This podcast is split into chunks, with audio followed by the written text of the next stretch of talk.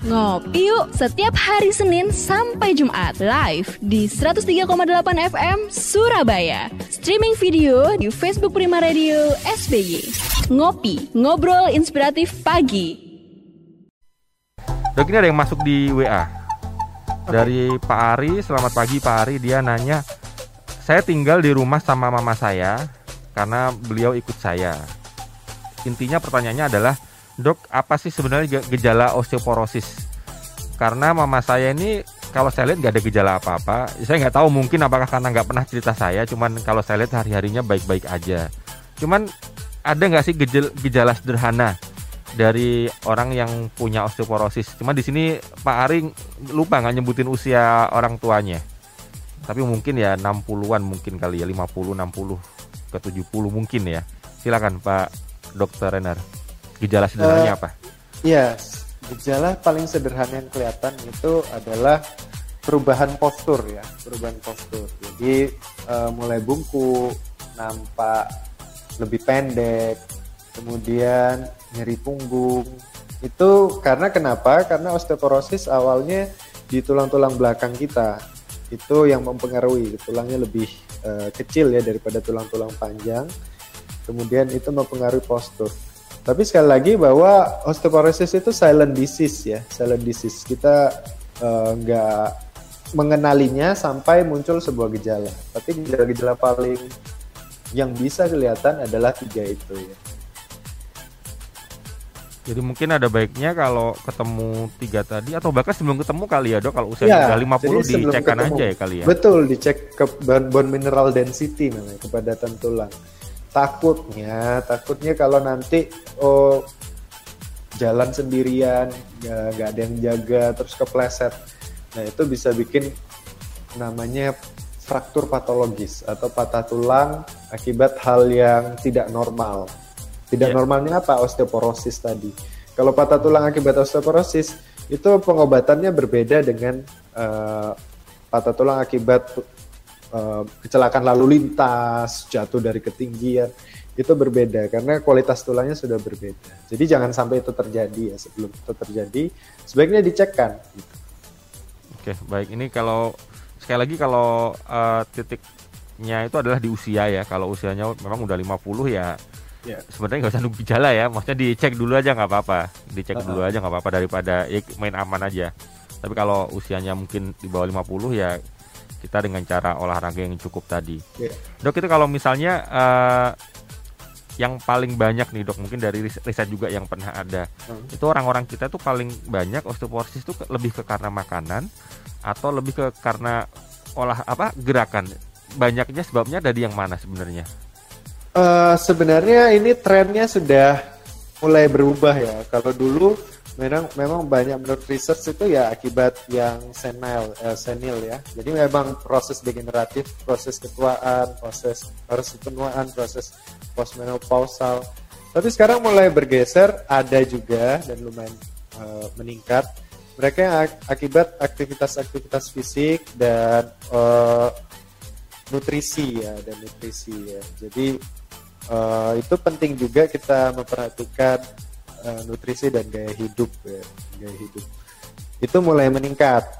Tapi tetap banyak kan tetap jauh lebih banyak ya akibat osteoporosis primer yang akibat penuaan yang postmenopausal itu. Uh, mungkin karena ini ya zamannya orang-orang mager ya. Oh, iya, sedentary iya, iya. lifestyle. Dan semua serba uh, serba instan ya serba instan apa-apa ada.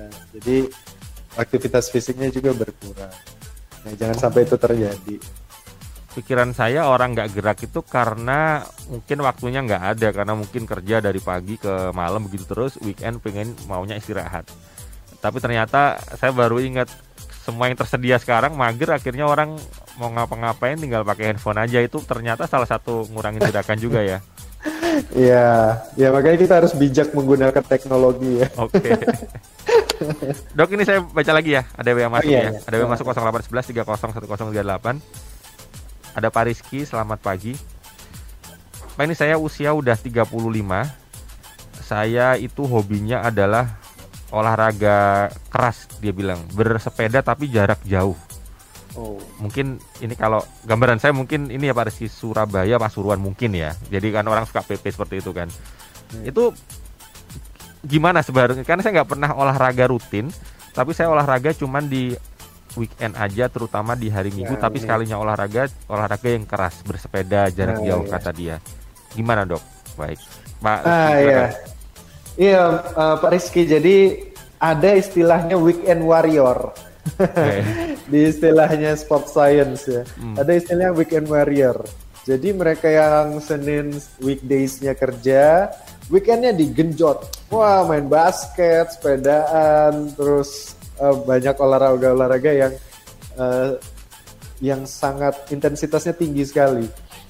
Itu hati-hati karena karena bisa rawan cedera. Karena yang uh, orang kalau olahraga itu butuh pola yang terukur, kemudian persiapan yang baik, stretching dan lain sebagainya dan post workoutnya juga. Nah kalau itu hanya dilakukan di week, week weekend hati-hati, apalagi digenjot langsung, hati-hati uh, tubuh kita, otot-otot kita, tendon, ligamen dan sebagainya itu gak sesiap, uh, gak ada persiapan yang cukup. Kalau langsung digeber itu hati-hati rawan cedera ya, terutama sistem muskuloskeletal. Jadi kalau bisa, kalau bisa kita ikuti yang tadi itu, yang 150 menit minimal. Hmm dibagi aja dibagi dibagi lima hari 30 menitan atau mau dibagi enam hari nggak masalah yang penting konsisten dengan pola yang terukur gitu atau mungkin kalau pengen tetap kan namanya weekend warrior jadi tetap namanya hmm. orang suka nggak bisa dihalangi ya dok ya. saya tetap suka mau tetap mau. Itu boleh nggak iya, dok? iya. misalnya ya berarti Pak Rizky atau mungkin sahabat Prima juga mengambil jatah weekdaysnya buat olahraga 30 menitan juga biar ini kalau gambaran awam saya ya kan nah, atlet itu kan weekend dia ada match ada pertandingan itu kan nggak mungkin langsung main kan pasti ada Senin sampai Jumatnya latihan. Iya betul. Kayak gitu juga nggak dok? Iya jadi memang harus oh, persiapan supaya tubuh kita siap kan ya. Tahu batasan tahu ukuran kita lah. Beda-beda tiap orang ya. Beda-beda tiap orang. Jadi uh, paling aman adalah buat jadwal, schedule dan terukur. Yang seperti berda, berdasarkan WHO tadi. Minimal segitu dalam seminggu 150 sampai 300 menit usia 17 sampai 64 tahun itu bisa dibagi per hari, lima hari dengan beban angkat beban 3 sampai 4 kali per minggu. Itu idealnya ya, idealnya. Tapi kalau kita kerja ya, kalau weekend kalau mau digeber hati-hati cedera. Jadi persiapkan uh, selain dari warming up, stretching dan terukur ya artinya tahu batasan. Misalnya Mas kita mau biasanya lari di keliling komplek langsung maraton ya yeah. gak masuk akal juga. Jadi tahu batasan diri. Itu apa batasannya ya cuma kita yang tahu. Cuman kadang orang kalau udah ketemu teman, ya udah kadang lupa semua itu itu yang yang, yang kita perlu waspada ya. Iya. Oke, gitu. Kadang kan kalau rame-rame gindok ya, ayo masa nggak bisa, akhirnya ya kita maksain akhirnya lupa. Padahal ya sebenarnya mungkin dalam hati kita mungkin ada kerasa udah batasnya mungkin ya. Baik, Dok, uh, ini kayaknya ada pertanyaan banyak lagi, tapi kalau saya bacain terus ini nggak selesai-selesai nih. Ini bisa nabrak sampai jam 10, dokter nggak jadi praktek oh, nanti. Oh, iya, Ditunggu pasiennya di depan Selalu pintu. Gak kerasa ya, udah jam segini. Pasiennya udah nunggu di depan pintu mau antrian. Dok, ini kalau uh, sahabat prima ini mau bertanya tentang seputar tulang uh, atau gaya hidup sehat tentang kesehatan tulang terutama kita, kita bisa nanya ke mana dok? Uh, Instagram praktek, mungkin atau tempat ya, prakteknya boleh. silakan. Uh, buat yang di Surabaya dan sekitarnya, saya di Mas Maya pada Hospital Surabaya. Hari Senin sampai Jumat tiap hari saya di sini, kecuali Sabtu Minggu ya. Kalau weekend saya jadi weekend warrior. Ya, Oke. enggak, enggak. Senin sampai Jumat. Minggu ini jam 8 pagi sampai jam 12 siang. Kalau hmm. mulai minggu depan Senin Kamis jam 8 pagi sampai jam 2 siang lanjut lagi malamnya jam 6 sampai jam 8 malam. Kemudian Selasa, Rabu, Jumat jam 8 sampai jam 4 sore. Jadi kalau mau mampir di Pada Hospital di Majen Sungkono, uh, sekitar seberangnya Ciputra World. Jadi kalau, Kalau di Mojokerto ada di Rumah Sakit Sidowaras Mojokerto. Oke, ada dua tempat ya dok berarti ya. Eh, Oke, nanti silapin sendiri ya. Jadi kalau misalnya lokasi Mojokerto Sidowaras, kalau misalnya lokasi di Surabaya di Mayapada, rumah sakit Mayapada. baru yang kalau anda lihat itu bukan hotel, itu adalah rumah sakit. Saya ngira juga hotel awalnya, apartemen atau hotel itu rumah sakit. Iya. Oke, terus eh, media sosial dok, mungkin kita yang Ah, iya. pengen DM aja males-males ke sana boleh, misalnya. boleh, Gimana? boleh. IG-nya di Ray Valtum, R E Y V A L T U M. Oke. Ini ajaannya agak susah ya, Ray Valtum. Nanti dicari di Google dia eh, biasanya muncul di teratas sendiri gitu ya, Dok. Iya, ada, Oke. ada. Ada lagi, Dok, mungkin, Dok. Yang pendaki-pendaki itu, Eh, Dok. Oh ya, IG dokter pendaki ya, Hmm. dokter pendaki. Jadi saya punya akun edukasi. Ya karena saya terbiasa bicara pakai data ya. Hmm. Jadi itu akun edukasi tentang mountaineering ke kesehatan saat pendakian, kedokteran pendaki. Yang suka kegiatan outdoor ya, ada at dokter pendaki. Di sana ada tips-tipsnya. Kalian boleh tanya-tanya juga. Kita ngobrol-ngobrol aja via DM. Jangan sungkan untuk menyapa. Oke. Ini weekend warrior-nya adalah pendaki ya, Dok. Betul. Tapi dokter itu ya saya yakin eh, dokter menjaga dengan tadi lima harinya tetap diisi olahraga, nggak cuman Iya, dadakan iya. di hari minggunya aja. Dok terakhir closing statement kasih uh, apa ya kasih tahu ke sahabat Prima nih terutama tentang osteoporosis yang mungkin saya sendiri aja nggak sadar kalau itu ternyata penyakit yang berbahaya dikasih closing statement dok silakan Ya, un- eh, sekali lagi osteoporosis itu silent disease ya. Jadi sebelum itu terjadi, sebaiknya periksakan tahu eh, kepadatan tulang kita. Apalagi yang mereka memiliki faktor resiko ya, memiliki faktor resiko.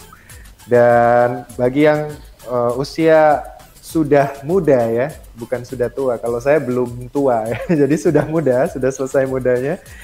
Itu jangan ragu untuk eh, periksakan diri sebelum terjadi patah tulang patologis ya akibat osteoporosis. Dan untuk yang masih muda, jaga kepadatan tulang kita dengan aktivitas fisik. Jadi kita kejar kepadatan tulang kita sampai umur 30 tahun. Setelah ke 30 tahun udah puncak-puncaknya kepadatan tulang kita, jangan sia-siakan itu, tetap jaga dengan nutrisi, aktivitas dan jaga eh, gaya hidup sehat. Jadi tetap sehat, jaga kepadatan tulang kita itu bagian dari investasi kita.